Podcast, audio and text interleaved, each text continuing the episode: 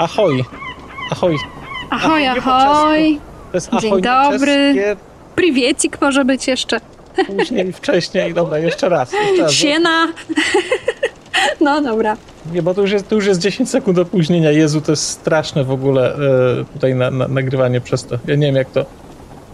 Ahoj, mili słuchacze. Mówię ahoj nie po czesku, tylko ahoj marynarskie. Takie prawdziwe morskie marynarskie ahoj, bo dzisiaj to nie jest pociąg. Dzisiaj to jest literacka podróż, ale to jest literacka podróż przez ocean. A przez ocean nie da się jeździć pociągiem. Przynajmniej jeszcze. Może Elon Musk jakiś zrobi pociąg. A właśnie Elon Musk podobno jest w Polsce, tak a propos. Ale tak, y, stoimy za burtą dzisiaj. Za burtą. Teraz coś tam jest dobra, tam walić, to, to jest na statku, będzie to ten. To jeszcze raz. No jeszcze dobra. raz. No. Dzień dobry. Ahoj wszystkim słuchającym. Ahoj nie ze środkowej Europy, tylko ahoj marynarskie. To jest takie nie czeskie ahoj, tylko marynarskie ahoj, bo, bo pociąg dzisiaj płynie. A dokądże płynie ten pociąg dzisiaj? no właśnie, dokąd pociąg ten płynie i my za sterem. A czy ty jesteś sternikiem dzisiaj? E, Ja to towarzyszę, opalam się. E, Gdzie płyniemy? Na jakąś prywatną kolonię lordów Baltimore bodajże. Do Marylandu? Czy gdzie tam? Jak byś tam powiedział?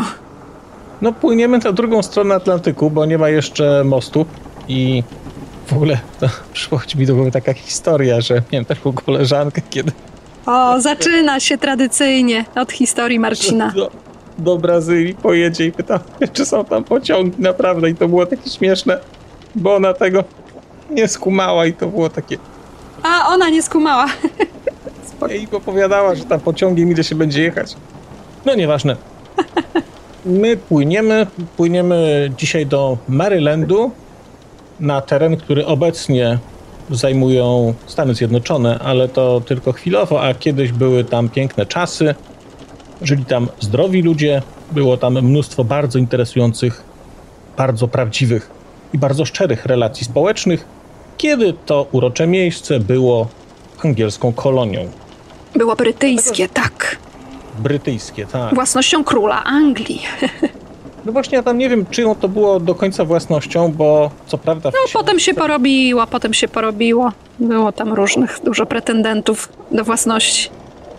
Właśnie, bo w książce Bakunowy Faktor, o której będziemy mówić dzisiaj, to poznamy tam historię powstania tego miejsca, historię powstania tej kolonii, bo ona tam jest przedstawiona, ale ona jest przedstawiona w taki sposób, że przyznam, że zgubiłem się w pierwszym akapicie. Miałem takie kiedyś doświadczenie czytania takiej książki do ekonomii i czytam każdy akapit i myślałem sobie, dobra, to teraz nie, to teraz nie, ten nie poszedł, ale następny to się tak skupiam teraz będę rozumiał. I kiedy tutaj było na początku przedstawiane cała taka historia wprowadzająca, oczywiście ona jest pięknie obudowana historycznie i tak dalej. Kto tam miał prawa, kto komu coś sprzedał, kto komu odkupił, y, kto na kogo napadł, na kogo sąd wydał taki, a nie inny wyrok. To tak, e, miałem nadzieję, że to się skończy w tym akapicie, tak jeszcze było pięć stron. I to jest cudowna rzecz, bo już na początku tej książki nie wiadomo o co chodzi. Czy ty też tak miałaś, czy tylko ja się zgubiłem na trzeciej stronie y, wy wywodu przyszłego laureata prowincji Maryland, czyli Ebenezera Cooka, który jest głównym bohaterem tej książki. Tak, dokładnie z nadania e, nam- namiestnika królewskiego chyba, tak? Dostaje taki zaszczytny tytuł, ale to jest... Calverta. Tak, to jest transakcja wiązana, nie zapominajmy, bo on dostaje e, ten zaszczytny tytuł, ale w zamian za to ma spisać e, no, znakomitą historię Marylandu. Ma przelać na papier, zresztą w formie poematu epickiego, z tego co pamiętam. Zaraz będziemy pewnie do tego nawiązywać. Ja zgubiłam się też gdzieś e, dalej, gdzieś na 50 stronie, e, to znaczy nie, zgubiłam się wcześniej, ale gdzieś na 50 stronie odkryłam, że w ogóle się tym nie ma co przejmować po prostu. To znaczy, tam mnóstwo oczywiście jest e, wątków związanych, no właśnie z bardzo długą, wybujałą, powiedzmy, drogą do rewolucji amerykańskiej. To się wszystko dwa wieki wcześniej zaczyna. E, ale stwierdziłam, że kto tam jest właścicielem jakiej prowincji, jak to plantatorem, kto hoduje ten bakun, kto zarządza, kto prowadzi księgi, to jest drugorzędne. To znaczy jest to doskonały element y, wirtuozerski po prostu, żeby opisywać tę historię. Ale ważniejsze jest, no co się dzieje pomiędzy, między bohaterami i dokąd nas ta historia prowadzi, tak jakby no na, po, pod koniec, prawda? Co jest y, takim wątkiem, y, który my możemy powiedzieć, że w sumie trochę odkrywamy, y, patrząc na formę, jaką zastosował pisarz. Mm, Odkrywamy, mm, że my nie czytamy historii Stanów Zjednoczonych, czy prehistorii, powiedzmy, tylko na nowo odczytujemy jakiś mit chyba z tym związany. No bo powiedzmy sobie, że jeżeli wpiszą Państwo do jakiejś przeglądarki czy do wyszukiwarki słowo bakunowy faktor, albo wpiszecie sobie to, nie daj Boże, po angielsku shotwit factor, to mm, doświadczycie Państwo konfuzji głębokiej, dlatego że traficie Państwo na dwie książki. Właściwie na dwa, dwa dzieła literackie. Pierwszym, tym e, pewnie bardziej popularnym, jest poemat Ebenezera Cooka z roku 1708, który tak się właśnie nazywa Sotwit Factor. Natomiast ten sam tytuł, dokładnie ten sam tytuł, swojej książce nadał John Bart. Wydał ją w roku 1960, to jest jego trzecia książka. I też nazywa się Bakunowy Faktor. To znaczy, Bakunowy Faktor nazywa się po polsku w znakomitym przekładzie. Natomiast ten Sotwit to jest określenie tytoniu w tamtym czasie, bo są to kolonie brytyjskie, które w tamtym miejscu tam się uprawia po prostu tytoń. Tak, ja się w ogóle doczytałam, że ten rodzaj tytoniu, bo to był jakiś tytoń fajkowy chyba, jakoś tak, że on był bardzo w ogóle popularny mm, na Ukrainie, na Podolu, tam gdzieś na Wołyniu, mm, coś w rodzaju machorki. Ale to taki, taki, taka ciekawostka poboczna. Ale mm, wiesz co, Marcin, ja nie wiem, czy ten y, poemat y, The Sotwit Factor, który chyba nawet y, ma jeszcze podtytuł Or a Voyage to Maryland, coś takiego, Tak, z 1708 roku. Czy on jest bardziej znany czy popularny? Nie sądzę. Sądzę, że dzieło Barfa jest jednak mimo wszystko w jakiejś tam świadomości czytelniczej bardziej popularne, chociaż no nie mówię jak to jest tam wśród Amerykanów. Ale y, no nie, no ja w ogóle nie wiedziałam, że jest jakiś Ja tam nie poemat z XVIII wieku. Jak mówię o popularności, to raczej patrzę na to, jak rankuje Google. Jeżeli wpiszesz Sotwit Factor po angielsku, to w większości dostaniesz odniesienie do tego dzieła y, y, y, Cooka, no bo jest to rzecz historyczna, jest to rzecz istotna literacko, bo to jest, można byłoby powiedzieć, pierwszy utwór, pierwszy poemat, pierwszy utwór poetycki, który został napisany w przyszłych Stanach Zjednoczonych. To też wokół niego można, jest budowany taki mit założycielski, że to jest właściwie początek amerykańskiej, no to powiedzieć prasy, ale jakiegoś amerykańskiego życia literackiego. Oczywiście jak Amerykaniści jacyś tego słuchają, to lepiej, żeby wyszli w tym momencie i wrócili do 10 minut. No na pewno tutaj bym po prostu jakieś tutaj pewnie y, no amator, amatorszczyzna tutaj no, jednym zaraz zdaniu wyjdzie. zrobiliśmy 10 błędów pewnie jakieś, ale to no, Wiesz co, może nie aż tak, ale ja nie wiem na ile, bo w, m, też czytałam, że wydane, jest gdzieś jakieś wydanie w Ameryce tej takiej e, American Poetry, Early American Poetry in Maryland, coś takiego i tam jest właśnie ten poemat ponoć i możemy chyba powiedzieć, czy możemy być pewni, że istniała taka postać, prawda, jak Ebenezer Cook, że to jest Postać postać, historyczna, historyczna, jak historyczna tak, to tutaj na pewno nie popełniamy żadnego błędu, E, bo też tam czytałam, że w tym zbiorze są jakby mm, jakieś takie z, y, utwory, co do których nie ma pewności o ich takiej wartości źródłowej historycznej, więc y, tutaj też nie chcę, nie chcę brnąć. To w każdym razie no wiemy, co było dla Johna Barfa inspiracją. E, i no jakby, tak jak rozmawialiśmy o y, Egipcjaninie na ostatnim pociągu z Magdą, no to mówiliśmy właśnie o tej staroegipskiej baśni, to tu jest tak, powiedziałabym, nieco podobnie w pewnym sensie. Zgodziłbyś się? Zgodziłbym się, tak, zgodziłbym się tylko podobnie, chociaż trochę inaczej, dlatego że o ile tam baśń była na bazie baśni coś zostało zbudowane, to tutaj mamy taki cudowny apokryf, bo tu mamy właściwie książkę, która na prawie 1500 stron opisuje, no powiedziałbym, okoliczności powstania tego poematu, bo realnie ten poemat został napisany pod koniec wieku XVII, kiedy laureat prowincji Maryland, czyli tak jak my, bo my też jesteśmy laureatami, tylko my jesteśmy laureatami pociągu do literatury. Więc jako laureaci pociągu do literatury opowiadamy o laureacie Ebenezerze Kuku, laureacie poezji, y, laureacie prowincji Maryland, gentlemanowi, bo gen, to jest gentleman, to tak jak my zupełnie. Gentleman I samozwańczy poeta. Samozwańczy. Więc my też możemy się nazwać, że jesteśmy samozwańczymi laureatami To jest- to- pociągu. Znaczy w niczym to nie, na, Patrz jaka to analogia. nie umuje. To jest niesamowita. I Ebenezer Cook wypływa do, no, w końcu wypływa do Marylandu i wydarza się wszystko, co mogą sobie Państwo wydarzy, wy- wymyślić w głowie, co może się wydarzyć w trakcie podróży w XVII wieku. To wydarzy się tam wszystko, nawet jeszcze więcej. Będą piraci, będą niewolnicy, będą Indianie, Gubernatorzy, gubernatorzy, poeci. baronowie, piękne kobiety, dziwki, kartezjusz. Nie dziwki, tylko kurwy, kurwy, bo w ogóle słowo kurwa jest w tej książce cudownie używane. Ja jestem tak wdzięczny za przekład, polski przekład. To Dodajmy, dodajmy, Marcin, od razu pana Sławomira Magali. E, Pan Sławomir Magala przetłumaczył e, Bakunowy Faktor, no już wiele lat temu.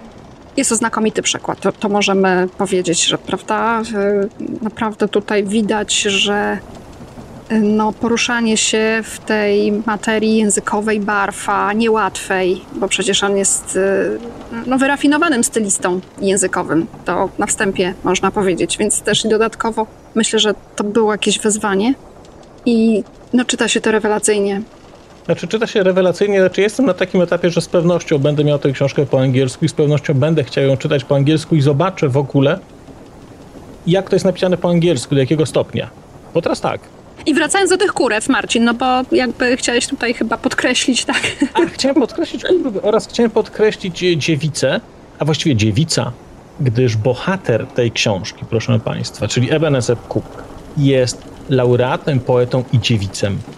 I nie zdążyłem sprawdzić, czy w języku angielskim, y, jak w języku angielskim wybrzmiewa prawiczek, Natomiast tutaj w tej książce konsekwentnie on jest nazywany dziewicem w, Tak. w męskim e, rodzaju. Jest to odmieniane i sam ten fakt ustawia tę książkę stylistycznie już w takim miejscu, że właściwie już po, po trzech zdaniach człowiek się łapie na tym, że to jest w ogóle jakieś arcydzieło. No, przesadziłem z trzema zdaniami. Mi to zajęło troszeczkę, troszeczkę więcej.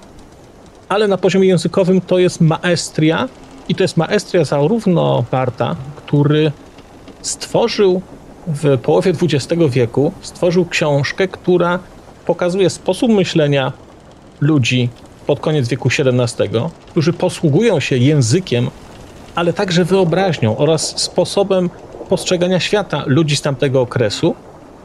I jest to napisane jeszcze tak, że mamy wrażenie rzeczywiście, że to nie jest książka o XVII wieku. To jest książka z XVII wieku i brzmi to cudownie, ale oczywiście to nie byłby John Bart, gdyby to była tempa powieść historyczna. O nie, tam jest dużo No właśnie, więcej. czy to jest powieść historyczna? Nie, raczej nie. Myślę, że to chyba trzeba szybko rozwiać dylematy, chociaż przed nagraniem e, pytałeś mnie, jak właśnie kończyłam drugi tom i rozmawialiśmy, ustalaliśmy termin, kiedy się umawiamy na nagrywanie.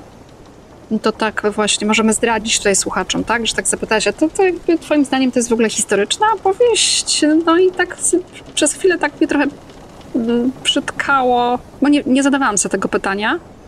Mm, Ale y, dosyć szybko y, uświadomiłam sobie, że jakbym miała powiedzieć tak, nie, ona ma jakieś cechy powieści historycznej, ale nie jest to powieść y, historyczna. Na pewno. Za blisko jest jednak tych chwytów czy późnomodernistycznych, czy postmodernistycznych już wprost mm, żeby można było mówić, że, że jest to wprost e, no, taka w, powieść historyczna w rozumieniu Waltera Scotta, prawda? Mm, Język nie jest aż tak bardzo archiwizowany.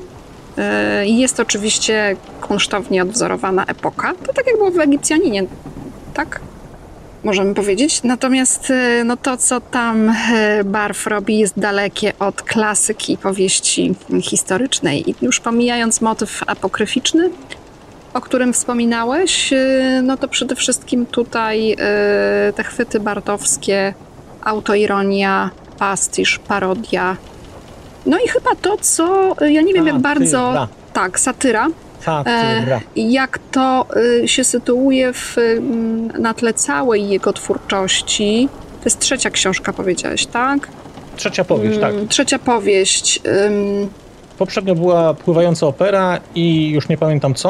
To jest trzecia powieść, ale wydaje mi się, że gdzieś znalazłem taką informację, że on powiedział, że to jest taka powieść, która go wprowadziła w krąg postmodernistyczny i gdyby jakoś, ja przekręcam ten cytat, ale to brzmiało jakoś tak, że gdyby on nie odkrył postmodernizmu, to po- postmodernizm musiał odkryć jego. Jakoś to tak w tej książce on bardzo to już po tej książce bardzo to podkreślał, że ta książka go wciągnęła w tę orbitę. Tak, No bo się zastanawiałam, bo y, jakby jeszcze ci tu przerwę na chwilę. y, Kiedyś tłumacz y, ostatniej, ostatnio wydanej powieści Barfa opowiadać dalej, pan Świerkocki, bodajże ten, który Ulyssesa przetłumaczył, popraw mnie, y, jeśli się mylę, ale chyba nie, tak. Słuchałam wywiadu z nim e, na, na, na kanale Piwu na YouTubie, też polecam Państwu, bo tam są ciekawe spotkania właśnie z, też z tłumaczami. On opowiadał e, o tym, że twórczość Barfa dzieli się bodajże do takiego dzieła The Letters, listy, i to jest chyba szósta, szóste dzieło w kolejności. I potem kolejne dzieła są już takie no 100%, 200%, 1000% postmodernizmu, kiedy rzeczywiście Barf jest już takim bardzo świadomym, dojrzałym pisarzem, który się wyłącznie bawi pisząc. Oczywiście wszystkie jego dzieła prawdopodobnie to są dzieła z wysokiej półki, Natomiast no właśnie się zastanawiałam, jak ten, jak ten Bakunowy, nie sprawdziłam tego przed nag- nagraniem, jak on się sytuuje w, w kontekście tego podziału, bo ja bym powiedziała, że on jest taką trochę mieszanką, wykorzystaniem cech powieści historycznej. Łotrzykowskiej też możemy powiedzieć, też może zaraz do tego przejdziemy. Wykorzystaniem takich właśnie cech gatunkowych, chociażby też tego bohatera. No bohater jest dla mnie wypisz, wymaluj z powieści Łotrzykowskiej ale przy już takim jednak mm, też wykorzystaniu całego arsenału środków e, postmodernistycznych, przy jakiejś lekkiej metafikcji, e, odniesieniu do innych dzieł literackich, do innych prądów literackich, no, do tego wszystkiego, z czego postmodernizm czerpał, no przede wszystkim z samej literatury, prawda? No tak, bo to jest trochę tak, że do tej pory przynajmniej na przykład te rzeczy postmodernistyczne, które u siebie prezentowałem, to jest taki postmodernizm, który jest o formie, który jest o autotematyzmie, który jest o literaturze. Natomiast jak się zajrzy do teorii postmodernizmu, to powieści historyczne, czy quasi-historyczne, czy powieści, które czerpią z historii realnych, które osadzają bohaterów w jakimś kontekście bardzo konkretnym historii, wprowadzają realne postacie historyczne, ale tę historię budują inaczej, albo może nawet nie inaczej, tylko wprost są takimi nie do końca prawdziwymi opowieściami, ale takimi, którym trudno zaprzeczyć, to to jest istota w ogóle postmodernizmu. Więc to, że Barth tutaj takie rzeczy robi, to nie ma tutaj zabawy z czasem, nie ma tutaj zabawy z takimi zapętleniami, ze strukturami rzeczywistości, strukturami narracyjnymi. To jest cudownej urody apokryf, jest głęboko przesycony językiem, światem z tamtego okresu, ale jednocześnie jest też zabawą z narracją i zabawą z formą pastiszem, parodią, nawiązaniem do mnóstwa dzieł literackich. I kiedy czytałem Barta, to miałem gdzieś w głowie też bardzo mocno Sapkowskiego, bo to, co Bart robi tutaj, te wszystkie wątki literackie, które się pojawiają, to na przykład Sapkowski tak przetwarza w ten sposób bardzo zbliżony mity, baśnie z całego świata, z różnych kręgów kulturowych, różne sytuacje historyczne i to są takie książki, że im więcej się wie, tym one pełniej brzmią, a jednocześnie nawet jak się nie wie, to to w ogóle nie przeszkadza, bo to w ogóle nie zabiera żadnej przyjemności z lektury, bo to jest tylko o tym, że człowiek odkryje sobie coś i powie sobie, o kurde, ciekawe kto to zauważył, bo to czytał historię Grecji z VII wieku przed naszą erą, że tam ktoś coś takiego powiedział. Nikt. I to nie ma żadnego znaczenia. I ta w tym kontekście ta książka jest postmodernistyczna, ale jeżeli część ludzi, czy część czytelników potencjalnych by na podstawie tego chciała odrzucić książkę, powiedzieć, że nie lubię postmodernizmu, nie lubię takich gier zabaw językowych, formy, to można sobie to odłożyć, e, to, to założenie gdzieś na bok, bo to jest po prostu wyjątkowej urody powieść przygodowa, łotrzykowska, piracka. Nie wiem, co tu jeszcze powiedzieć. No, to jest rękopis znaleziony w Saragossie, który się odgrywa trochę gdzie indziej, cechy powieści szkatułkowej, historie w historiach, bajeczki.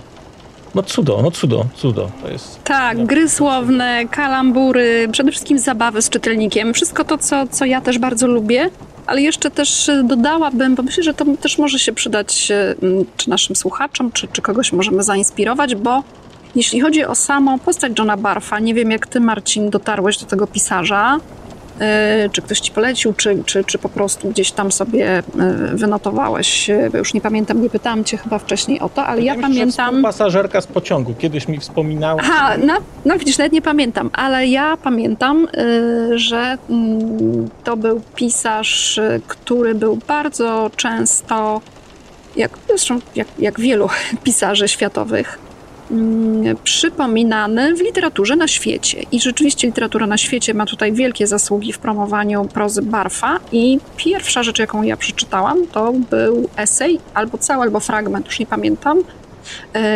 Literatura wyczerpania. Nie wiem, czy słyszałeś. To jest, myślę, że bardzo ważny tekst i też w ogóle dla kogoś, kto chciałby się z twórczością postmodernistyczną zapoznać i z jej ideą, czy właśnie z, z twórczością Johna Barfa też. To jest ważny esej, który zresztą jest chyba trochę błędnie obiegowo interpretowany, że to jest esej o tym, że literatura, to już wtedy, bo to jest esej przecież sprzed wielu, wielu lat, się wyczerpała, w sensie doszła do kresu i właściwie się już nic nowego nie napisze.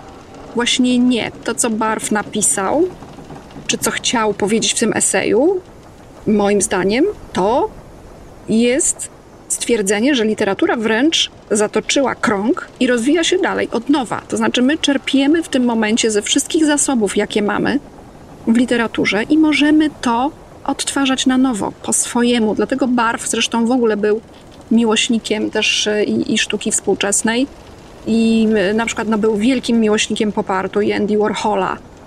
I miał takie poglądy, że na przykład nie ma sensu pisać drugiej, czy komponować na przykład kolejnej szóstej symfonii. Trzeba zrobić jej parodię, przeróbkę, co, cokolwiek kreatywnego, artystycznego na jej bazie, to wtedy będzie dzieło.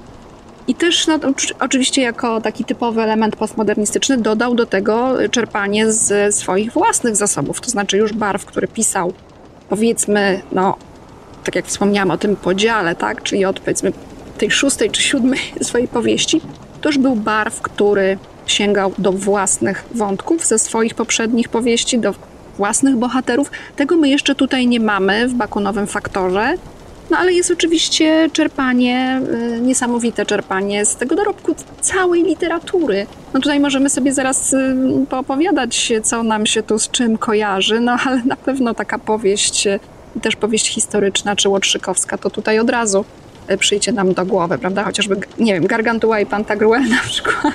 To jest w ogóle. Ja muszę przeczytać, po, bo tak, zawsze książki mnie zabierają w jakieś wszechświaty i mi pokazują nowe drogi.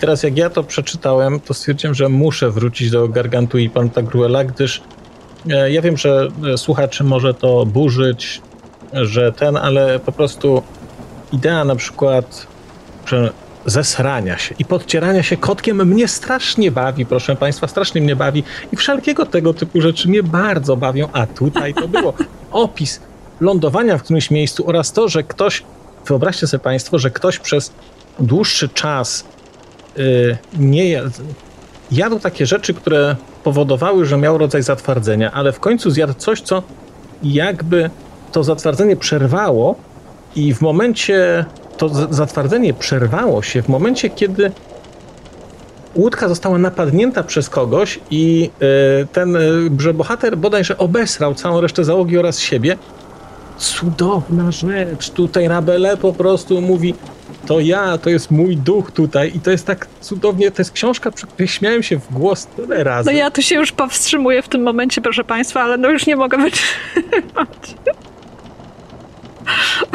Ale, ale, no właśnie, więc jest Gargantua, ale ja bym jeszcze wrócił do Barta. Bo to jest tak, że do mnie z kolei Bart trafił, pierwszą książką jego, którą czytałem, to było Opowiadać Dalej. I Opowiadać Dalej właśnie trafiło do mnie w takim momencie, kiedy czytałem już trochę postmodernistycznych rzeczy, ale wszystkie były zabawą, grą taką. I Opowiadać Dalej było pierwszą książką, która szalenie eksplorowała formę, a jednocześnie była bardzo poważna i jest książką, która stawia bardzo fundamentalne pytania i zobaczyłem, że można też napisać rzecz postmodernistyczną, która będzie będzie o smutnych rzeczach, będzie o poważnych rzeczach i wcale nie będzie taką zabawą i że ta zabawa też służy czemuś. Jest takie piękna, taka piękna metafora w Władcy Pierścieni. Ktoś mówi o Bilbie, o jednym z bohaterów, że że to był hobbit, który potrafił o smutnych rzeczach opowiadać w wesoły sposób, o, o, poważnych rzeczach opowiadać w niepoważny sposób, a o niepoważnych w poważnych. To jest, to jest bardzo duża sztuka. No ale tutaj mamy. Tu mamy poważne rzeczy w niepoważny sposób opowiedziane. Bo tak naprawdę świat, który Państwo zobaczycie tu, będzie szalenie brutalny, i kiedy uświadomi sobie człowiek, że to, co tu jest pokazane, jest w ogromnym stopniu prawdą, zobaczymy realia życia, bo te realia życia tu widać, te biedę, choroby, niepewność, niewolnictwo, zależność. To wszystko tu jest widoczne, jednocześnie taki kompletny brak jakiejkolwiek szansy na odwołanie się gdzieś, brak sprawiedliwości, życie w takim świecie potwornego ucisku, niepewności, a te kolonie to już jest absolutny szczyt wszystkiego, bo właściwie jest się odciętym od jakiejkolwiek sprawiedliwości, jeżeli jakaś ona gdzieś istnieje, ale powiedzmy, jest metropolia, gdzie jakaś cywilizacja funkcjonuje. Natomiast jak się trafia już do, na kolonie, to już jest zu, świat zupełnie inny. I tu Bart pokazuje właśnie ten świat, który jest narysowany niby radośnie, ale to jest straszny świat, jak się tak spojrzy na to, co on opisuje tutaj. No to jest y, ta demitologizacja, o której być może y, będziemy zaraz mówić, ale mm, tak jakby ja bym powiedziała, że to jest mm, doskonałe o tyle dzieło, że ono łączy w sobie tą swawolę formy, parodię, y, pokazuje te postacie w sposób niesamowicie mm, sympatyczny, chociaż oni są okrutni i tam jest bardzo dużo jednak no, takich barbarzyńskich scen i dużo okrucieństwa i i jednocześnie jakiegoś grzechu, powiedzmy. Natomiast no, oni są też bardzo tacy suwizjalscy, e, szelmowscy, urokliwi, inteligentni. To jest to, co chciałam powiedzieć, że to też mi się kojarzy właśnie z Rabelais, chociaż to, to jest naprawdę wieki temu e, i zresztą nie czytam wszystkich tomów. Ale to, co mi się kojarzy, to jest to, to samo robi Barw, co robił Rabelais przecież ile lat temu, że sięgał do na przykład w języku do wulgaryzmów, E, do jakiegoś takiego ludycznego stylu. Nie wiem, czy tak, tak można powiedzieć, ale no ta ilość rzeczywiście niewybrednych scen, no to przecież to była taka groteska też na, na tą średniowieczną tradycję wtedy. E, I podobało mi się to i to, co, co, co też u Barfa występuje, że potrafił czerpać z kultury niskiej, powiedzmy, czyli sięgać do jakichś form e, wzgardzonych, ale robiąc z tego coś niesamowitego, coś, coś wspaniałego. No, a te poważne, poważne wątki, no to oczywiście one są, dzieją się po prostu. I one nie odbierają jednocześnie, to jest niesamowite, nie odbierają jednocześnie mm, takiej niesamowitej frajdy z czytania tego. Przecież to jest, jakby ta książka stoi na poczuciu humoru, na dowcipie jednocześnie. To jest piękne. No ta scena z głównym, którą przywołałeś, e, oczywiście o tym mówi. Natomiast no, tam jest no, no mnóstwo, no moglibyśmy się teraz, y, że tak powiem, tutaj y, wymieniać, y, jak, jakie sceny nam przychodzą do głowy, ale ja, ja ch chciałam też powiedzieć, że bardzo doceniam taki wyrafinowany styl i to, to wyrafinowanie poczucia humoru. Przypomnij sobie scenę z, z, w momencie, kiedy on ląduje w Marylandzie i musi się przedostać nad rzeką na drugi brzeg i spotyka tam wioślarza i nie ma kasy. Jest obdartusem w ogóle. No bo on jest taki fircyk, chudzielec. On niby został nadany, mianowany wielkim poetą, ale tak naprawdę ma wygląd jakiegoś nieokrzesanego obszarpańca. No i kurde, no ten ktoś mówi, że no tam, żeby się dostać na drugi brzeg, to wiele złota to kosztuje. A ten mówi, kurde, nie mam złota, ale może mu powiem, że tak naprawdę ja mogę mu zapłacić wierszami, poezją. No bo przecież pensy, szylingi, y, czy tam korony, czy inne, to jest to samo co czterowiersz, co sonet, co ballada. Jakie to jest piękne. Jak barw to opisuje i on go przewozi tam i potem deklamuje mu jakiś sonet i tamten jest zawiedziony i mówi kurde, co to jest? Co takie krótkie? Co takie proste? To miało być coś, tak? Gdybym tylko wiedział, że to będzie taki żałosny, niechlujny ten twój wiersz, sonecik, byle jaki, to byś się w pław przeprawiał, a ten, no i ten, ten pomachał mu tylko i powiedział, ale jesteś głupi, bo to w ogóle nie jest mój sonet, a tak naprawdę to w ogóle nie jest sonet. I to po prostu, jakie to jest, e, no, wyrafinowane. Piękne, po prostu. Jest, jest, natomiast właśnie jak powiedziałaś, e, że on tam przybywa obdarty, no to proszę Państwa, bo powiedzmy sobie, że on przybywa, ale to e, przybycie polega na tym, że to tylko nam się teraz wydaje, że ktoś wsiadł na statek i wysiadł po drugiej stronie. Otóż właściwie od momentu, kiedy Ebenezer Cook decyduje się, że wyjedzie do Marylandu, to do najpierw do samego e, Portsmouth, gdzie wsiada na statek, goni go już z pięć różnych osób, e, popełnia ileś przestępstw, pięć razy się przebiera, zmienia tożsamość, na końcu statkiem płynie jako swój służący, bo jego służący przekonał innych, że to on jest poetą i jeżeli Państwu się wydaje, że to jest koniec, to jest dopiero początek. Znaczy, to jest książka, w której absolutnie nie można być pewnym tym, kto kim jest. Dokładnie. Wiesz, co chwilę każdy okazuje się kimś innym. Ja miałem takie w ogóle wrażenie, taka, taki humor i taka ilość zmian tutaj, która jest. Nie wiem, czy ty pamiętasz taki film Różowa Pantera. Tak, Jest- pamiętam, pamiętam. Jest w Różowej Panterze... Co prawda już strasznie dawno go oglądałam, ale... Bardzo. Jest taka scena, jak e, już w finale e, tego, tego filmu jest taki bal i bal się odbywa gdzieś w jakiejś, na jakiejś wiosce. I w tej wioseczce, takim malutkim miasteczku, nie wiem, we Francji czy we Włoszech, takie, takie no ikoniczne, małe włoskie miasteczko. Jest jakaś północ i przez ulicę chce przejść sobie taki dziadek, który cały dzień siedział e, gdzieś u kogoś. No i wychodzi, a tam się zaczyna gonitwa i pięć osób goni się samochodami. I to oni cały czas jeżdżą w kółko po tym mieście i ten dziadek nie może przejść przez tę ulicę, która jest całkowicie pusta. I w końcu siada na takim krzesełku i obserwuje, co się dzieje. No i po kilku minutach jazdy te wszystkie cztery samochody na, na, tym szczycie zadupia zderzają się centralnie w jednym punkcie tego miasteczka. I dokładnie taka jest ta książka. Tu się każdy okazuje kimś innym. Tożsamości nie można być nigdy nikogo pewnym i na początku to przeszkadza, bo e, przynajmniej ja chciałem wiedzieć, kto jest kim, a potem się zorientowałem, że to w ogóle nie ma żadnego znaczenia. Nie no, to ja się poddałam po 50, po 50 y, tej stroniczce y, i miałam taki fan później z y, czytania tego, że tam, że tam już nie pamiętałam jakiejś pojedynczej postaci, czy, czy kto tam był jakimś lordem, namiestnikiem. To w ogóle nie miało znaczenia, bo to jakby Natomiast liczyło się, co się ogromny- będzie dalej działo za Benezerem i gdzie on dotrze, kogo on spotka, jakich łajdaków po drodze, rzezimieszków, y, z kim się o co założy, kto go będzie właśnie ścigał, a jaką tam panienkę po drodze jeszcze muśnie i, i tak dalej, i tak No dalej. właśnie, na czym muśnie? Znaczy nie, nie. No, czy muśnie? To jest ta sytuacja w ogóle, że kobiety chcą posiąść Ebenezera, chcą mu ofiarować wszystko, co ma najlepsze, a on mówi, nie mogę, gdyż jestem dziewicem. I ślubowałem sobie, że będę dziewicem i będę... I on tym dziewicem Nie. przestaje być, przestaje być w którymś momencie, ale to jest, jakie to jest poświęcenie. Tak, ale może nie też nie mówmy wszystkiego. Nie, nie powiem, nie powiem, ale, Ale tutaj, to jest y, opowieść o miłości. Tak? No jest, co prawda. Tam się pojawia na samym początku, po- no pojawia się kurwa, tak?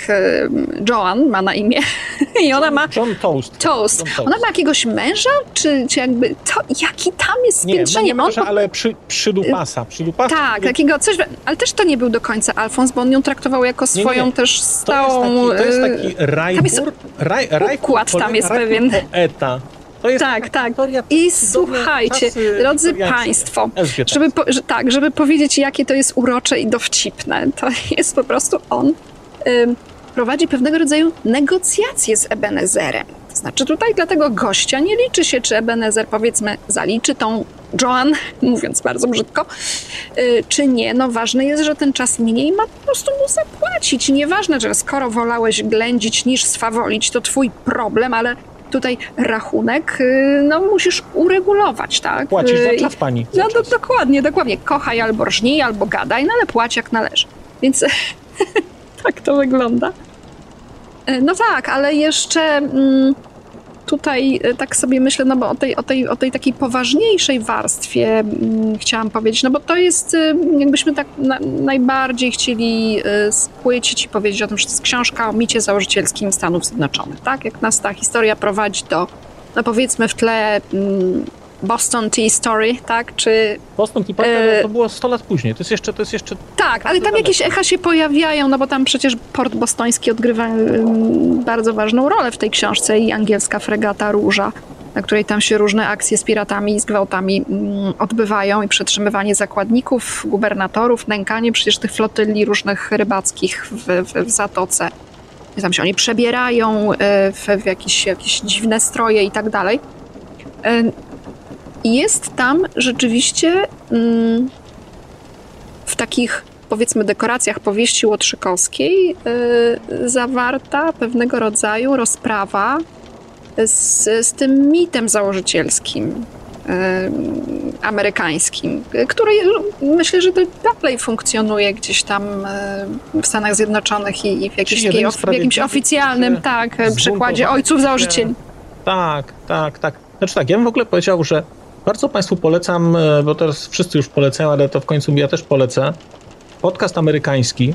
I w podcaście amerykańskim znajdą Państwo odcinek o Boston Tea Party, o tym, mm, e, co, o takim topieniu e, herbaty, ale to jest znakomity odcinek pokazujący specyfikę życia w koloniach. On co prawda, ta historia rozgrywa się kilkadziesiąt lat później, po tych wydarzeniach, no właściwie prawie 100, ale to nie ma znaczenia, bo pokazuje mechanikę funkcjonowania kolonii, mechanikę zależności e, od, nazwijmy to centrum, od, e, no tak, od centrum. I jest to świetne, bo zobaczycie Państwo, jak te kolonie funkcjonowały i jakie było tam życie realne. Bo to życie, które tu dostajemy, to to jest potworna bieda, potworny wyzysk i kompletny brak sprawiedliwości. I jeżeli rzeczywiście Stany są budowane na jakimś micie założycielskim, no to tutaj ten mit jest, no nie chcę powiedzieć, że rozbity, bo nie ma co rozbijać, nawet nie ma co zbierać. To jest po prostu bezprawie i dramat, przy którym dziki zachód to jest szczyt wyrafinowania i sprawiedliwości. No dobrze, bo to jeszcze może Państwu powiedzmy, tym, którzy nas słuchają, ten podcast amerykański to się dokładnie tak nazywa, podcast amerykański i jest prowadzony przez dwóch dżentelmenów, Piotra Tarczyńskiego, tłumacza e, i Łukasza Pawłowskiego i głównie tam panowie rozmawiają o bieżącej polityce amerykańskiej, a więc też dla tutaj e, sympatyków, fanów. Ten podcast zresztą został wyróżniony, ostatnio dostał jakąś nagrodę tam dla, dla tak, na nagrodach podcastingowych. Mm, ale jest naprawdę świetny i, i tutaj, tak jak Marcin polecił, taki mm, odcinek powiedzmy bardziej e, sięgający historii, ale jakby tutaj w ogóle dla amerykanistów, e, dla osób, które się interesują, może nie dla amerykanistów przesadziłam, dla osób, które interesują się po prostu Stanami Zjednoczonymi, a nie znają, być może to warto, na pewno. Tak, jestem... I wiesz, ym, słuchaj, mam teraz jak opowiadałeś ym, e, o, o, o tym Boston Tea Party i, i w ogóle o tym bicie założycielskim, co tu już się tak e, pojawia od początku naszej rozmowy, to w ogóle taki, ym, taka ogólna refleksja, moja przynajmniej, po tej książce, ym, to jest taki, takie spojrzenie bo to jest bardzo autoironiczne, prawda? Barf był Amerykaninem i Z napisał. Tak, dokładnie.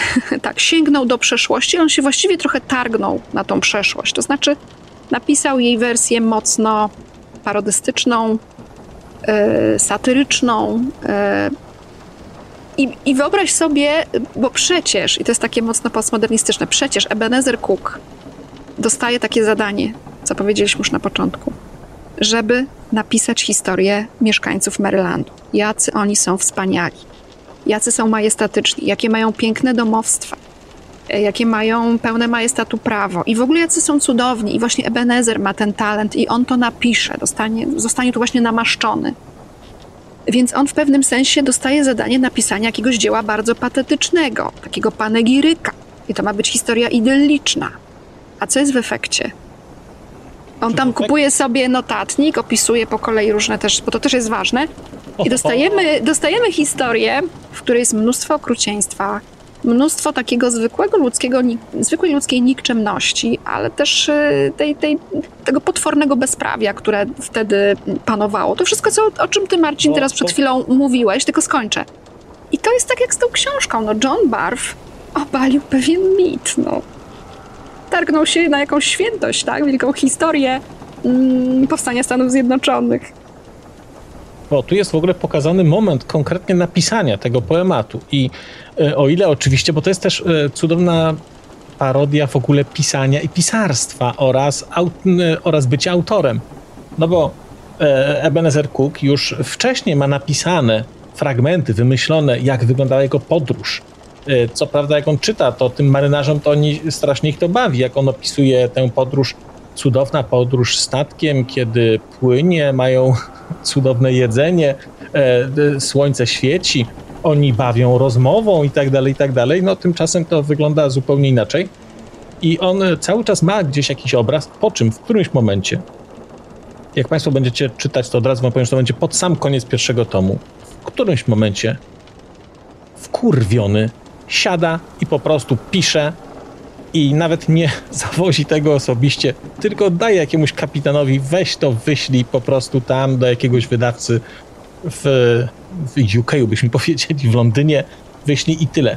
I całość, zresztą ten poemat możecie Państwo sobie przeczytać, bo on jest dostępny w domenie publicznej. Jak się wpisze Wheat Factor, to można go sobie e, e, przeczytać. To jest rzeczywiście taki trochę starszy angielski, natomiast jest całkowicie zrozumiały. I to jest kawa na ławę opisany świat, który, no, który John Bart nam tu pokazuje, a tu go dostajemy w, taki, w takiej formie rzeczywiście czystej satyry, napisanej wierszem, trochę tak właśnie dziedziczącej e, taką poetykę Szekspira, cudowne, z, no, no ja tego, chciałbym, żeby ktoś w ogóle usiadł do samego tego tekstu, może jacyś twórcy, którzy na przykład lubią tłumaczyć, na przykład e, z angielskiego, na przykład. No to byłoby ciekawe, gdyby ktoś w ogóle spojrzał też na ten tekst tak od takiej strony trochę. No ale, ale może pozostaje mieć nadzieję, że ktoś to kiedyś zrobi. No tak, ale summa summarum wyszła Bartowi wizja zaprzeczająca trochę tej oficjalnej historii ojców założycieli, ale też, nie no, tam naprawdę, y, naprawdę ciekawie są pokazane różne wątki takiego też uwikłania, y, na przykład, no właśnie w te brytyjskie jeszcze rozgrywki, wtedy brytyjskie mm, o władzę, różnego rodzaju jakieś takie konfrontacje też religijne, bo przecież są e, mm, rzymscy katolicy, papiści i protestanci, antypapiści. To- To jest cudowne są te wątki. E, No, historia sama w sobie, tylko no, tak jeszcze tutaj ta, ta łotrzykowska szata nadaje temu jakiegoś takiego fajnego, fajnej wirtuozerii, splendoru. Mm, No właśnie dla ciebie to była taka bardzo łotrzykowska powieść, bo ona, mm, powiem szczerze, jak gdzieś by próbowałbyś coś znaleźć na temat bakunowego faktora, to pierwsze, co ci, co ci tam gdzieś wyrzuca jakiś, e, nie wiem, czy Wikipedia, czy cokolwiek, to jest powieść typowa, sztandarowa powieść łotrzykowska. No jest, ale jakby, jakby nie powiedziałabym, że to, jakby, mm, to jest jakby pierwsze, pierwszy mm, y, cecha tej powieści. Y, No oczywiście ona jest taka szelmowska, jest taka awanturnicza, y, pokazuje w sposób satyryczny mm, tamtą epokę, jest ten bohater taki, taki nieokrzesany, taki włóczęga, taki hulta i rzeźmieszek. Ale tam jest za dużo... Za, On nie jest rzeźmieszką, on jest takim cieciem. Jezu, to jest człowiek, który się potyka o własne nogi. Przecież on nic nie potrafi zrobić, jak już to się posra najwyżej. no dobra, dobra, dobra. To ma, To jest taki Czesiek. To jest taki Tak, ale on łatwo wchodzi też w takie przemocowe historie. To też nie, no nie można powiedzieć, że on jest jakim takim w ogóle jakimś kurczę tutaj e, useful idiot, e, który się daje wkręcać tylko. Tylko on też jak okazja temu sprzyja, to też korzysta czasami z No, niecnych. korzystają. To jest książka, gdzie bicie kijami jest co drugą stronę ktoś dostanie. Tak, albo batorzenie. A to mi się skojarzyło z tymi, z, mm, jak z, o Egipcjaninie też gadaliśmy z Magdą ostatnio, co żeśmy mówili o tych właśnie waleniu kijem, tych niewolników, to, no to właśnie podobna historia ileś tam tysięcy lat później, tak, a też to to chłostanie i murzyni, prawda, też przecież językowo dokładnie. Tak, tak, tak, tak. Natomiast no, to jest. e, Nie, nie myślę o tym w kategorii powieści Łotrzykowskiej. To jest rzeczywiście dla mnie taka powieść przygodowa. Jakbym tak patrzył na takim poziomie jakimś, no pewnie przygodowe też się na jakieś dzielą. Natomiast to jest powieść przygodowa, to jest powieść szkatułkowa. To znaczy tutaj co chwilę będzie historia, przyjdzie osoba, która opowie historię czyjegoś życia, w której to historii ktoś inny będzie opowiadał historię czyjegoś życia, tylko że to nie jest zapętlone. Tutaj się dosyć prosto tego trzyma, bo to są po prostu historie do historyjek, historie w historyjkach i one cały czas tutaj funkcjonują. Do tego jest kilka takich dłuższych e, historii, które są podzielone na fragmenty, bo jednym z elementów fabuły jest poszukiwanie jakiegoś dokumentu tutaj. Natomiast jest, nie powiedzieliśmy tutaj o jednej ważnej osobie w tej książce. Mianowicie o, e, o Henrym Barlingemie, czyli osobie, No tak, to Która też jest? towarzysz. Mhm. która jest towarzyszem, który jest nauczycielem pierwotnie, ale która spełnia wyjątkową rolę, dlatego że to jest osoba, która no nie, nie liczyłem w ilu występuje przebraniach, w ilu, w ile osób się wciela, ale to pozwala Bartowi na niesamowitą grę z narracją, bo pojawiają się kolejne osoby, które opowiadają jakąś historię. Tak naprawdę jest to jedna osoba cały czas, ale my nigdy nie wiemy, kim jest ta osoba. Co więcej, ta osoba szuka kogoś, kogo, no nie powiem, czy znajdzie, czy nie, ale ta osoba też kogoś szuka, właściwie kilku osób szuka. To jest taka dla mnie niesamowita rzecz, bo można było robić bardzo ciekawe eksperymenty formalne tutaj, które nie są formalnymi typowo eksperymentami, ale wprowadzać osoby, które wszystko wiedzą, które jakoś komentują, a potem jak się za, nad tym zastanawiamy, to mówimy sobie, ale jak to, to jest ta sama osoba? To nikt się nie zorientował, że to jest znowu ta sama osoba. I w ogóle tak myślałem sobie też o tej książce, że ona pokazuje coś, o czym, o czym nie myślałem wcześniej. Życie w takim świecie przed kilkuset laty, kiedy nie miałeś możliwości żadnego, nie wiem jak to powiedzieć, odwołania się. To znaczy, jeżeli ktoś uznał, że ty jesteś kimś innym, nie było dokumentów, nie było możliwości potwierdzenia i jeżeli sługa Ebenezera uznaje, czy jest w stanie przekonać ludzi na statku, że on jest poetą, bo on pierwszy powiedział, że jest poetą, to nagle jesteś w takiej dziwnej sytuacji, bo my tak narzekamy na to, że państwo nas śledzi, na to, że jesteśmy takimi no, numerami, że jesteśmy, łatwo nas namierzyć. Natomiast ta książka też pokazuje, co jeżeli nie ma tego i jeżeli ktoś z tego chce źle skorzystać. To to jest tutaj w ogóle niesamowite, jak łatwo można było się też za kogoś podać, za kogoś udawać 15 razy, to odwracać. Bardzo takie to dla mnie było odświeżające w spojrzeniu na to, że może ten świat, w którym żyjemy, nie jest taki najgorszy też. A nie wiem, nie miałam takiej refleksji, to w sensie w kontekście tego, tego bohatera. W sensie, no, myślę, że tutaj dokonałeś jakiejś bardzo takiej interpretacji y, uwspółcześnionej, pogłębionej. Ale jak myślę o podawaniu się za poetę, to jeszcze mi się in, inna taka myśl pojawiła, y, że w ogóle y, bohaterką też tej powieści jest w ogóle poezja albo twórczość też może być, bo to jest też bardzo ważne. Ona się od samego początku pojawia, no sam motyw przewodni pisania o Marylandzie, tak? Pisania historii Marylandu, czyż poematu o Marylandzie e, i różnych wątków poetyckich, które się w różnych kontekstach tam pojawiają, e, no to tak naprawdę tam jest wprost powiedziane, że poeta jest pożytecznym, tak, członkiem książęcego orszaku. Jakoś tak to tam fajnie jakby Barw to mm, określa. Co jest prawdą o księstwie, y, czy tam o księciu, tak, jest, jest, y, jest poezją.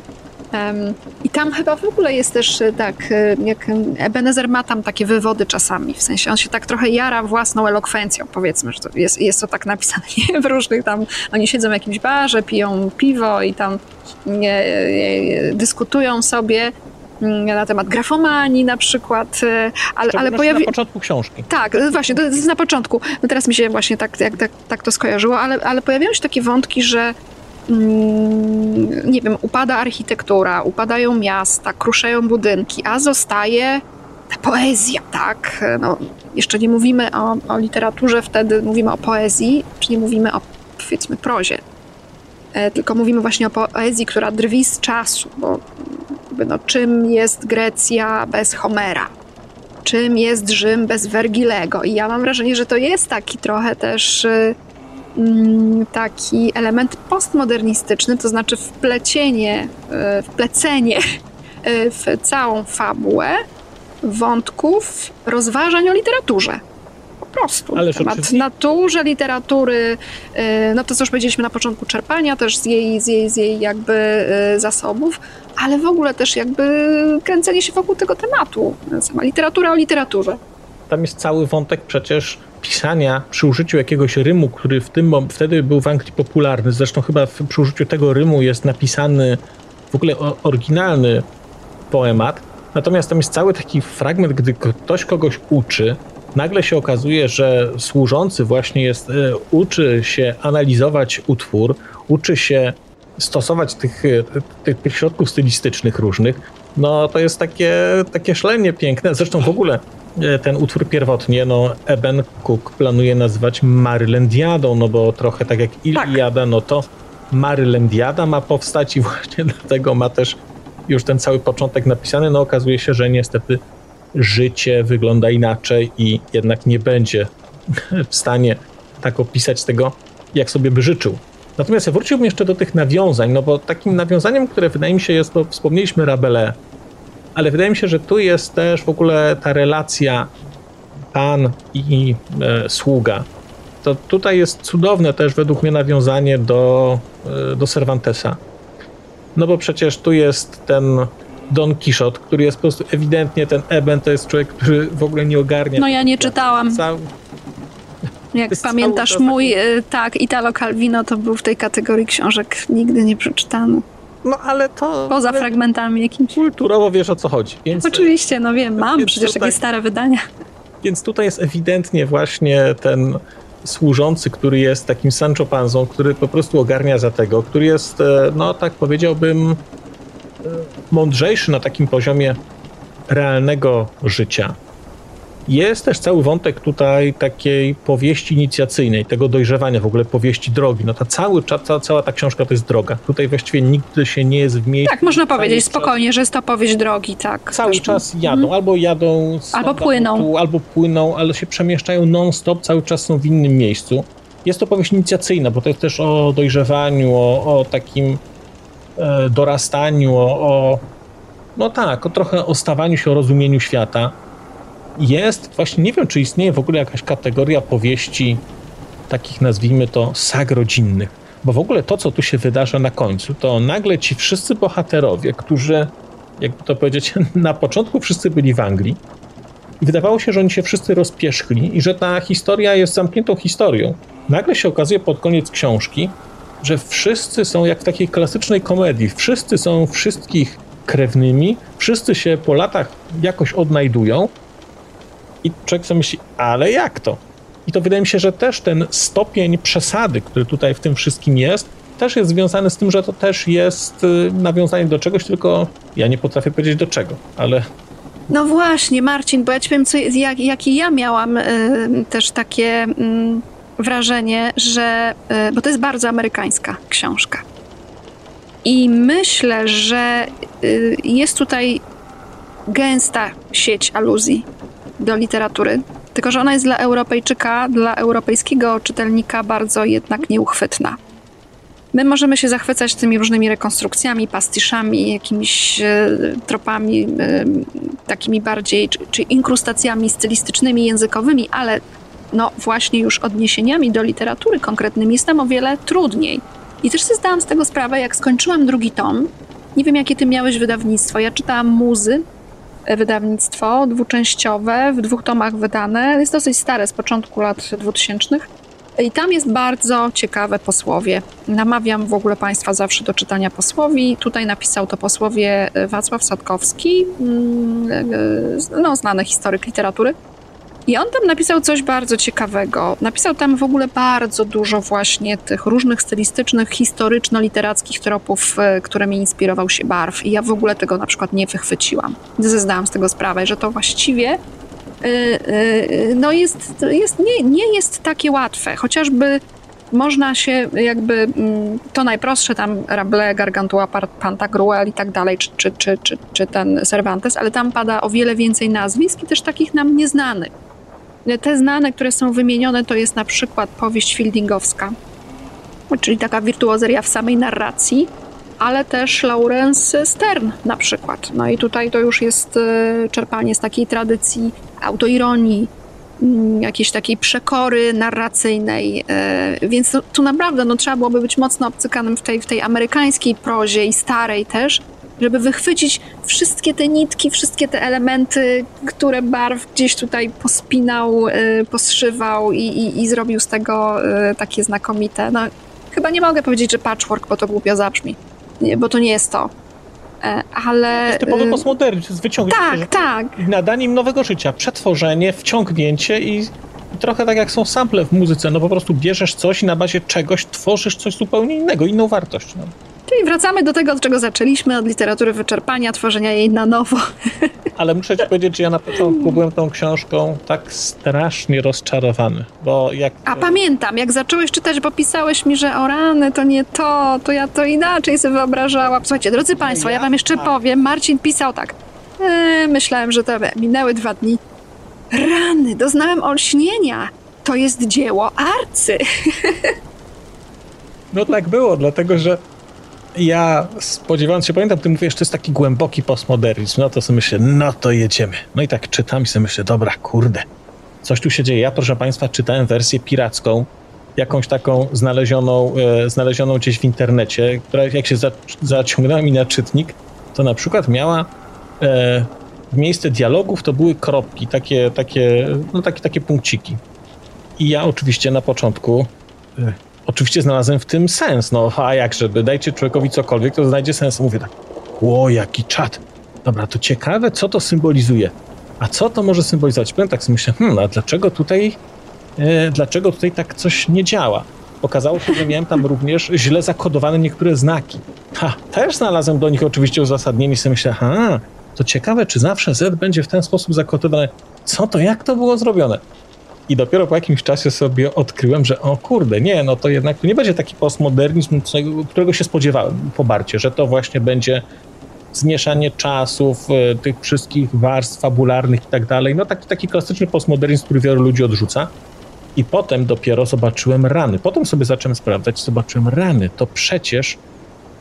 No to po jakimś czasie dopiero zorientowałem się, że to jest real. W którymś momencie sobie myślę, to brzmi jak realna postać. Sprawdziłem i w tym momencie mnie olśniło, że z czym była oryginalna, czym był oryginalny Sotwit Factor. I w tym momencie się w tej książce zakochałem, bo wtedy zobaczyłem, co Bart tutaj na poziomie literackim po prostu robi. I to już była taki, to już był wtedy pełny zachwyt, bo wtedy dostrzegłem maestrię tego, e, taką całkowitą. No i się zakochałem bez, bez pamięci w ogóle w tej książce. To jest w ogóle ta książka u mnie w tej chwili to jest takie. Top of the top. No, tak- Wywindowała no wysoko. tak, a- A to chyba jako jedna z niewielu książek y, takich literatury powszechnej, światowej, amerykańskiej, nie? Bo ty jednak bardziej w tej środkowej siedzisz, środkowej, środkowoeuropejskiej. E, A ja powiem ci, że ja miałam jakieś tam wyobrażenie. Wiedziałam, że to jest takie doniosłe dzieło, wielkie dzieło, takie no, no, obszerne, ale myślałam, że więcej będzie tego postmodernizmu. Trochę się tego też obawiałam, znając też fascynację Barfa w ogóle nauką, prawda? On przecież jest wielkim fascynatem fizyki na przykład. No cała ta tutaj tak, tak. teoria Heisenberga, y, no już nie będziemy tu wchodzić, no ale tam jakby No ja no, on bardzo się, on kocha naukę, tak, i dostrzega w tym wielkie piękno i zresztą w innych y, jego utworach to, to, to, to słychać. Mm, I czytałam kiedyś też Lost in the Fun House, czyli Zagubiony w labiryncie śmiechu, też bardzo ładne tłumaczenie jest na polski. No i tam bardziej były takie y, elementy widoczne, jak on się posługuje też w, w budowaniu, w konstrukcji powieści, bo tam sobie wymyślił, że będzie książka o pisaniu, ale zrobił sobie taką wielką metaforę życia ludzkiego i na przykład pierwszy rozdział to jest plemnik, drugi rozdział to jest tam jakiś osesek, małe dziecko, potem nastolatek, wiesz, także taki stworzył z tego niesamowitą taką metaforę.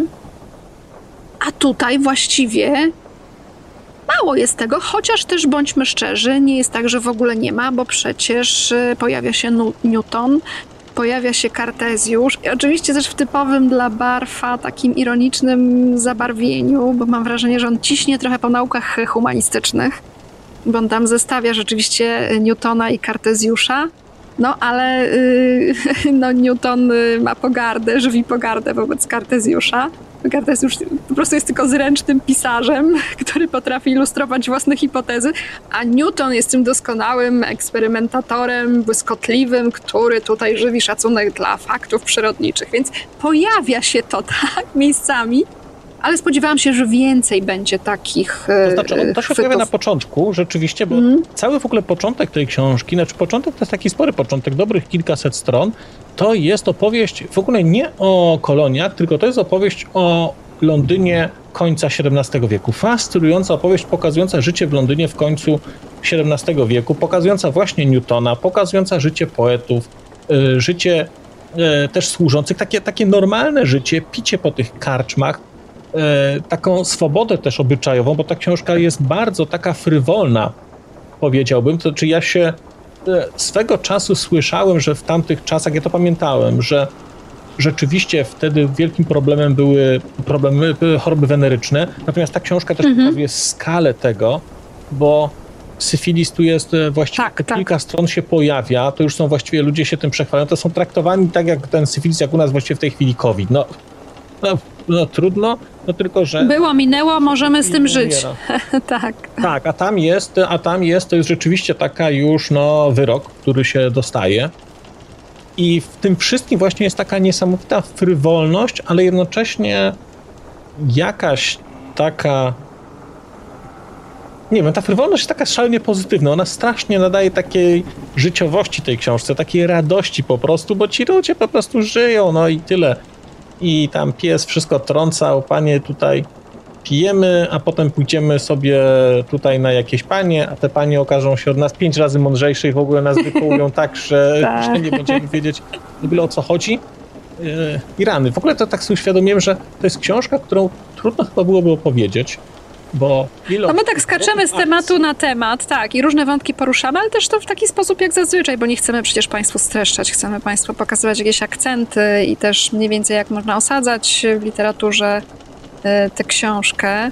Ale żeby powiedzieć, o czym ona jest, ja chyba bym się nie podjęła tego, ale jakbym na przykład inaczej może bym zadała pytanie, co jest najmocniejszą stroną, ale nie artystycznie, tylko no, coś, co powodowało, że tę książkę czytało ci się wspaniale, to u mnie będzie to chyba poczucie humoru, ale takie bardzo wyrafinowane. E, I w ogóle takie, taka postawa autora, wydaje mi się, że to jest poczucie humoru, to jest coś, co ratuje wszystko. W sensie, że, że, że poczuciem humoru można zbawić ludzkość. E, I oczywiście on korzysta, no, korzysta z tych wspaniałych, z tych dobroci literackich, z wspaniałych metafor, które są sposobem na opis świata dla niego. Ale jednak humor e, jest tym, co mnie prowadziło przez, przez te dwa tomy, czytałam też, muszę przyznać się na koniec, że z taką pewną przerwą między pierwszym a drugim tomem trochę się bałam, że y, zapomnę wszystko, co było w pierwszym tomie, a jednak nie było to takie straszne. W sensie to przejście y, jakby szybko nastąpiło, szybko wróciłam do tego świata Ebenezera Cooka. I tak, to jest, to jest właśnie to. Ja, ja polecam tę książkę. Ona nie jest łatwa o tyle, że jednak jest obszerna i jest, jest no to, to jest prawie tysiąc stron, ale jest to No, wielka to przygoda. Czyta, po prostu to się czyta tak, że właściwie nie sposób się oderwać. Mm. No ja mogę powiedzieć, że też miałem przerwę i też mi się wydawało, że ciężko będzie mi wrócić. Tymczasem w ogóle kilkanaście stron człowiek przeczyta już w ogóle jest w tym świecie, a jak się ktoś tam nazywa, w ogóle nie ma żadnego znaczenia, bo po prostu to jest taka czysta, żywiołowa akcja. Tak, i wchodzisz w to uniwersum takie bar barfowskie, bakunowe, powiedzmy. Natomiast dowiedzą się Państwo z tej książki naprawdę prawdziwej historii Pocahontas. O, i przygód różnych miłosnych i nie tylko. To, to są w ogóle takie sceny, proszę Państwa, że to nie, ja O, nie wiem, jak tak, można było coś takiego tak, wymyśleć. Tak, Bo- tak. To chyba na, na blurbach nawet jest, to, to też mnie śmieszyło, że ta Pocahontas się pojawia jako taki symbol, żeby w ogóle przyciągnąć czytelnika i przynajmniej w tym wydaniu, które ja miałam. Z czego się Państwo dowiedzą? No to właśnie, co miała na myśli taka Pocahontas. Tak. I teraz jak ktoś to kupi sobie, bo widział film Disneya i zna tę historię i, i potem to zobaczy, No może doznać pewnego, znaczy może zostać postawiony w stupor, rodzaj stuporu. może dostać... Tak, to będzie, ta, to będzie taka sytuacja, w której już świat będzie zupełnie inny w ogóle po tym, jak się, Tak, jak się to tak. zobaczy. No poruszyliśmy tylko malutki fragmencik e, w ogóle tego wszystkiego, co Bart A po co więcej? Na- Myślę, że to Państwu po powinno więcej? wystarczyć. Ale jeden, jeden wątek jeszcze bym rozwinął, krótko tylko, bo to może nie, to może nie będę go rozwijał, to tylko powiem, że chyba wydaje mi się, że najlepiej ty to ujęłaś, kiedy ja się zastanawiam, dlaczego czytając Egipcjanina i czytając e, Barta, właściwie prawie równocześnie, bo to, bo to skończyłem jedno, wziąłem drugie, potem wróciłem. Dlaczego tak bardzo mi siadł ten e, Bart? Dlatego, że ja po prostu kocham książki, które nie szanują żadnych świętości i po prostu jadą po wszystkich. I, i dla mnie właśnie to, to jest dla mnie trochę tak, że jak pamiętam, czytam kiedyś swego czasu Tolkiena, się nim zaczytywałem, a potem jak przeczytałem Sapkowskiego, to już nie mogłem czytać Tolkiena po Sapkowskim. To tu jest podobnie, to znaczy po przeczytaniu takiego Barta, to w ogóle czytanie takich książek jak na przykład bardzo dobrych. Ale on jest jakiś taki, kurde, mało śmieszny, w ogóle mało szydzi ze wszystkich. A Bart szydzi ze wszystkich, e, z księży, pastorów, polityków, sędziów, poetów, e, wydawców. Każda profesja, która się w tej książce pojawia, zostaje zjechana do samego e, imentu swojego i to jest w ogóle wspaniała rzecz, bo po co pisać o kimś dobrze, skoro można z kogoś szydzić? To jest w ogóle moja chyba dewiza życiowa, sobie uświadamiam, ta książka mi to uświadomiła w ogóle. Więc jeśli Państwo potrzebują e, dużej e, dawki wyrafinowanego poczucia humoru, ale też bardzo inteligentnej szydery, wprost powiedzmy, nie satyry, szydery, to namawiamy Państwa na wycieczkę z Londynu do Marylandu. Ja bym jeszcze tak e, na koniec chciała powiedzieć, że nie wiem ile, jakie my mamy zaległości w tłumaczeniach Barfa tutaj na rynku polskim. Ale y, cieszę się, że, że on jest znowu tłumaczony. Mam tu na myśli właśnie tę książkę, o której ty mówiłeś w zeszłym roku. W zeszłym roku chyba, tak? Opowiadać dalej. dalej. Tak. Tak, to, to. Y, I no fajnie byłoby, żeby wszystkie dzieła y, Johna Barfa mm, zostały przetłumaczone i żeby były dostępne i, i żebyśmy go mieli jak najwięcej, bo jest to naprawdę wspaniała, wysokiej jakości literatura, którą może każdy czytać moim zdaniem. No taki bakunowy faktor mm, uważam, że dla każdego, kto chociaż tam choć trochę czyta, y, może być e, wspaniałą, y, przygodową przeprawą. Tak, Polecamy, tak, tak, polecamy. Zdecydowanie, zdecydowanie ja na przykład, ale wiesz co, jak wspomniałaś ten opowiadać dalej, no to ja miałem straszny problem trochę jak sobie wybierałem te książki do podsumowania roku, bo uznałem, że z postmodernizmu tam wybiorę jedną i dlatego wybrałem Wiśniaka, bo był pierwszy i gdzieś tam ten na, popchnął, natomiast na pod względem jakby stylistyki i znaczenia dla mnie to rzeczywiście też powiedziałbym, że, że opowiadać dalej to jest arcydzieło, więc, więc z, z, bólem tego nie dałem. Ale w ogóle to mi przypomina te, teraz ten Bart tutaj, teraz ostatnia ponowna lektura Wisznieka, że niezależnie od tego, czy słuchacze lubią, czy nie, to myślę, że postmodernizm nie powróci w dużej dawce, także... Powróci. Powróci. Powróci, powróci Tak. bo ja kilka razy e, sugerowałem Państwu, żeby w, w ramach e, wy, wyboru, żeby coś wybrali i nie wybrali, ale e, chyba pójdę śladem e, e, towarzysza Stalina e, i zaoferuję trzy możliwości i wtedy będzie du dużo łatwiej wybrać, jak wszystkie będą postmodernistyczne. Wtedy głos ludu powie, żebym czytał rzeczy postmodernistyczne. Bo już ich bardzo, bardzo się stęskniłem. Właśnie lektura Barta mi uświadomiła, jak bardzo po prostu to kocham i że to jest kwintesencja wszystkiego, co jest dla mnie. Także to be continue tutaj dla wszystkich słuchaczy y, kanału podcastu około książkowego Literatura ze środka Europy. Bo to chyba u ciebie się, Marcin, y, ten y, odcinek oczywiście. pociągu do literatury ukaże, to namawiamy. Statku. Okrętu. E, I e, też tych z Państwa, tych słuchaczy, którzy czytali to, czytali to razem z nami, a może kiedyś, wcześniej, wiele lat temu. Mm, No to też bardzo tutaj zapraszamy do dzielenia się, komentowania, czy Państwo się tutaj z nami zgadzają, czy nie. Nie patrzyłam, zawsze staram się sprawdzić, czytać jaka jest ocena e, książki, po prostu tak z czystej ciekawości. I nie patrzyłem, sprawdziłam, patrzyłem. nie sprawdziłam, ale tak dawałabym, że tak koło ósemki, ale czasami można się zdziwić, być może. Ale jak się zajrzy na tak. Lubimy Czytać, to tam jest kilka takich komentarzy, których autorzy ewidentnie podłapali sposób pisania Barta i one są tak napisane, A, a okej, warto to muszę zobaczyć. jak tam ktoś to opisuje. Coś cudownego w ogóle. Polecamy serdecznie. Jest, The tak, ale Sotweed poczekaj, Factor, poczekaj, John bo, bo, Barr. Wchodzimy do portu, do Marylandu, zaraz nas ktoś w takim razie Dobijamy, oznacza że tak. ktoś nas napadnie, a w najlepszym razie zgwałci, a w najgorszym nie wiem co. Więc jeszcze tylko powiedzmy y, y, słuchaczom, y, co dalej trzeba będzie czytać. Co w następnym odcinku. No nie wiem, a czy my się przymierzamy do e, przedstawienia Państwu planu wydawniczego na pierwszą połowę 2024 Przymierzamy roku, się. tak zwanego rozkładu jazdy? się. To może to będzie i wtedy Państwo zobaczą. A może też możemy No dobrze, czy to- Państwo coś to możemy- proponowali? No nie wiem, zobaczymy. A może nie, może nie ryzykujmy, bo jakiś tam plan wstępny Nie, to mamy. zróbmy tak, to zróbmy tak.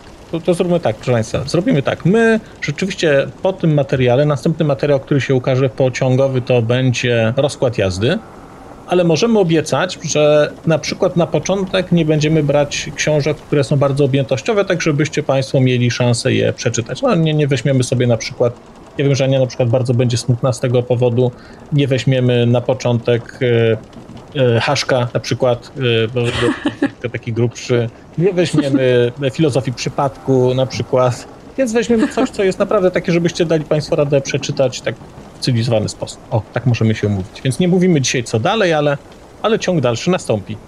No i oczywiście zapraszamy. Znalezione, przeczytane oraz Literatura ze środka Europy. Ze środka Niezmiennie. statku. To jest środek Pociąg kursuje, plany są ambitne. Miejmy nadzieję, że pogoda też będzie sprzyjała. No i zobaczymy, gdzie tam A jakie są poniesie. ogóle państw, proszę Państwa, plany, to ja wiem, ale nie mogę powiedzieć, bo one są jeszcze nie uzgodnione. Następnym razem. Dziękujemy. Następnym razem dziękujemy, do usłyszenia. Zostawiamy Państwa z mewami, które tutaj w Marylandzie jeszcze, nie wiem co robią mewy, fak, fak, Papa. czy. Do słyszenia, do usłyszenia, do zobaczenia. Nie wiem. Mewy mówią day, day, jak było w Neo, day, day, day. Dej, dach, dach, Tak,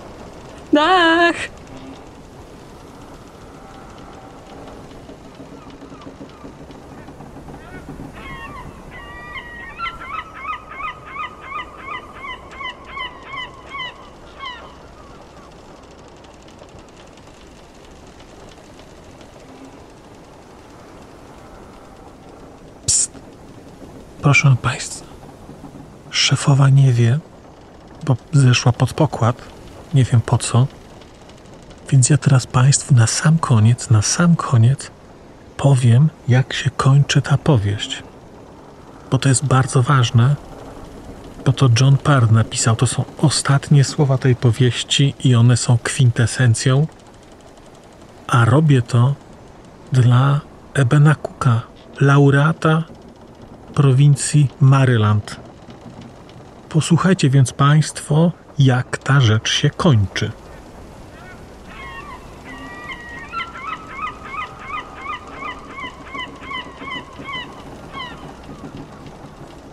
Wiosną 1732 roku, w wieku 66 lat, padł ofiarą jakiegoś owrzodzenia, a ukochana jego siostra wkrótce miała pójść w jego ślady, Porządkując jego rzeczy, znalazła między papierami epitafium, które, acz pozbawione daty, autor uważa za dzieło ostatnie i załącza ku pożytkowi zainteresowanych uczonych.